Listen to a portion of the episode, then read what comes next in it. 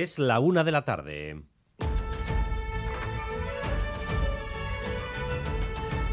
Crónica de Euskadi con Dani Álvarez. A Rachaldeón, el gobierno vasco y el gobierno de España han mantenido un encuentro en Vitoria este mediodía, el encuentro de más rango en muchos meses. El Lendakari Urcullo ha recibido a la vicepresidenta primera Nadia Calviño. El diálogo se ha centrado en los fondos europeos, su gestión y la reclamación por parte de Urcullo de gestionarlos de manera total en Euskadi.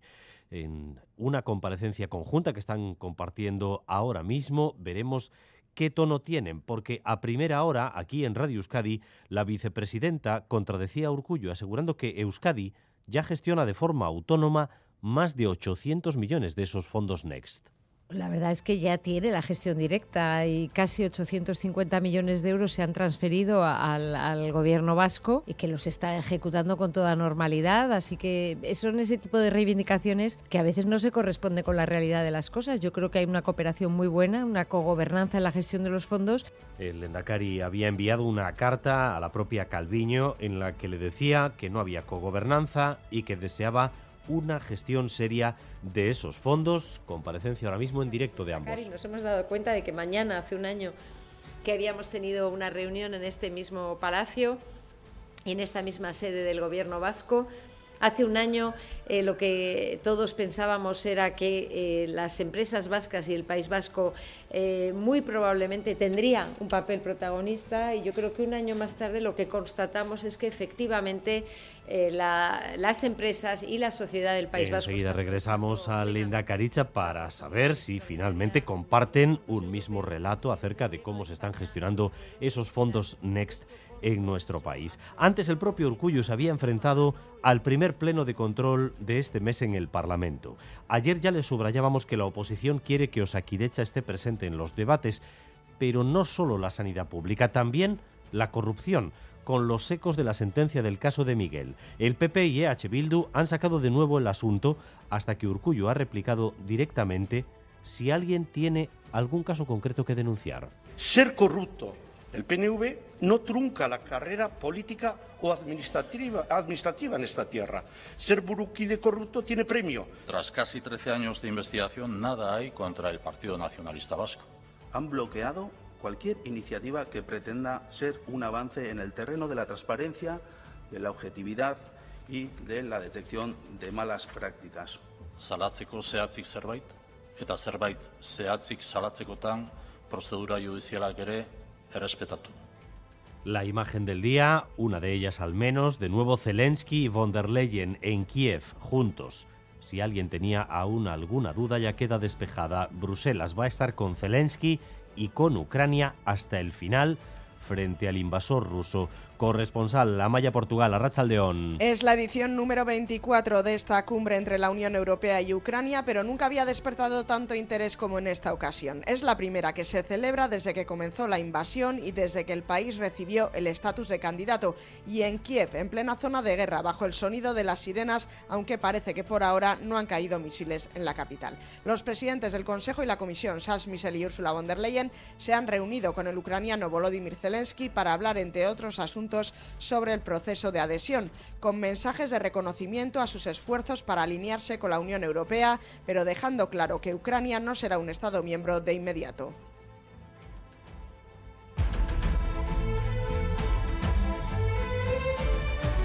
Además, Metro Bilbao lleva con problemas buena parte de la mañana debido a una avería en una de sus catenarias. De hecho, el servicio ha estado interrumpido entre el casco viejo y Basauri. ¿Cómo están las cosas ahora mismo en Ainhoa Iglesia? Pues a esta hora sigue suspendido el servicio de metro entre Saspicalea Casco Viejo y Basauri en ambos sentidos. Aquí en el casco obligan a todo el mundo a bajar y personal de Metro Bilbao informa de que este metro termina aquí y no sigue hacia Basauri. Todo se debe, como decías, a una avería en una catenaria entre Echevarri y Bolueta, pero para arreglarlo, sobre las 11 de la mañana han decidido cortar todo este tramo. El resto de la red también sufre retrasos. A la salida de la boca de metro de Saspicalea que hemos encontrado usuarios enfadados y descontentos con la falta de información. Salgo de trabajar de un sitio, tengo que ir a trabajar a Bolueta. Ahora tengo que estar esperando al tranvía, no sé lo que tardará. Te lo podían decir antes de pasar la canceladora, ¿no? Echevarri también tenemos la línea 3 de Cucuyaga, pues está regular. No he podido llegar a mi puesto de trabajo. En Echevarría nos hicieron bajar todo el mundo y no nos dieron explicación ninguna. Que cada uno se buscara la vida como pudiera. Venimos de Baracaldo, cogido a las 11 y 5 así, hemos llegado a Bilbao a las 12 y 5. El doble, con paradas intermitentes en el camino.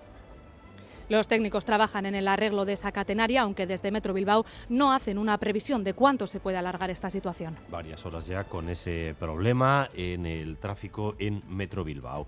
Y los sindicatos que conforman la mayoría sindical en el metal de Vizcaya han escenificado esta mañana la firma del nuevo convenio, del que se van a beneficiar 50.000 trabajadores. LAB, Comisiones Obreras y UGT exhibían hoy sus huelgas como el sacrificio para obtener una recompensa de la que se benefician todos, incluidos los que no firman.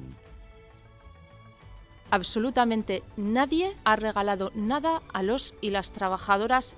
La negociación y, y la lucha ha dado fruto en un convenio que no solamente supone un ingresos importantes para, para, las personas del sector, sino que además aumentan los derechos. Incrementos del 15% con cláusula de revisión. No hay una reducción de condiciones laborales.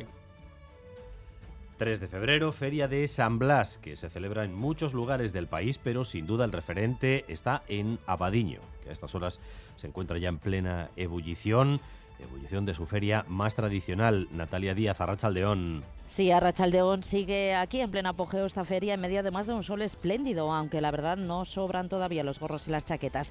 Ante los casi de 100 puestos que tenemos delante, vemos que como se agolpa además la gente con muchas ganas de comprar quesos, sidras, conservas, artesanía, plantas. También hay mucha expectación, sobre todo infantil, os imagináis, ante el ganado. Sin embargo, y sin duda, los productos estrella son las rosquillas, las tortas de San Blas y los cordones. Hasta de 30 colores hemos contado, todos esos sí bendecidos, para que nos protejan la garganta, aunque además de fe hay que seguir bien la tradición que recordamos para que nadie se pierda.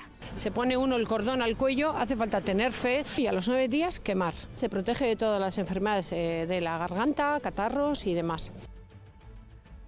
Y la sala Cubocucha de Donostia acaba de presentar la nueva exposición que reúne la obra de Soledad Sevilla, que es una de las artistas más reconocidas del panorama artístico contemporáneo español.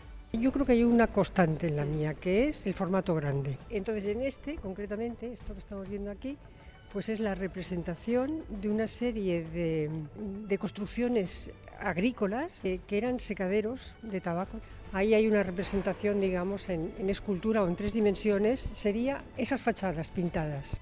Y vamos también con lo más destacado del deporte, Álvaro Fernández Cadierno, Arrachaldeón. Arrachaldeón con muchísimas citas en fútbol a las 9, Athletic Cádiz comienza la segunda vuelta en la Euroliga, en el Buesa, Basconia, Panathinaikos, en balomano dos partidos, Vidasoirun, Benidorm y Porriño, Zuazo, Baracaldo y en fútbol sala, Movistar, Osasuna, Magna. Además, sorteados los cuartos de final de la Copa de la Reina, tendremos el mismo derby, Osasuna Athletic, partido único, entre el 7 y el 9 de marzo y ha comenzado en Churdínaga, en Bilbao, la Champions Cup, básquet adaptado, de momento victoria para el BSR, ganado 73 a 62 a la Micachi de Italia. Madrugada muy fría, madrugada heladora, con nieblas persistentes para dejar paso al día que tenemos, un día de eh, cielos azules. La tendencia se va a repetir mañana, aunque de cara a la tarde puedan aparecer algunas nubes en determinados puntos. Lo cierto es que en cuanto se vuelva a hacer de noche, las temperaturas se volverán a desplomar. Apenas 8 grados ahora mismo en Donostia, en Bayona o en Pamplona, 7 grados de temperatura en Bilbao,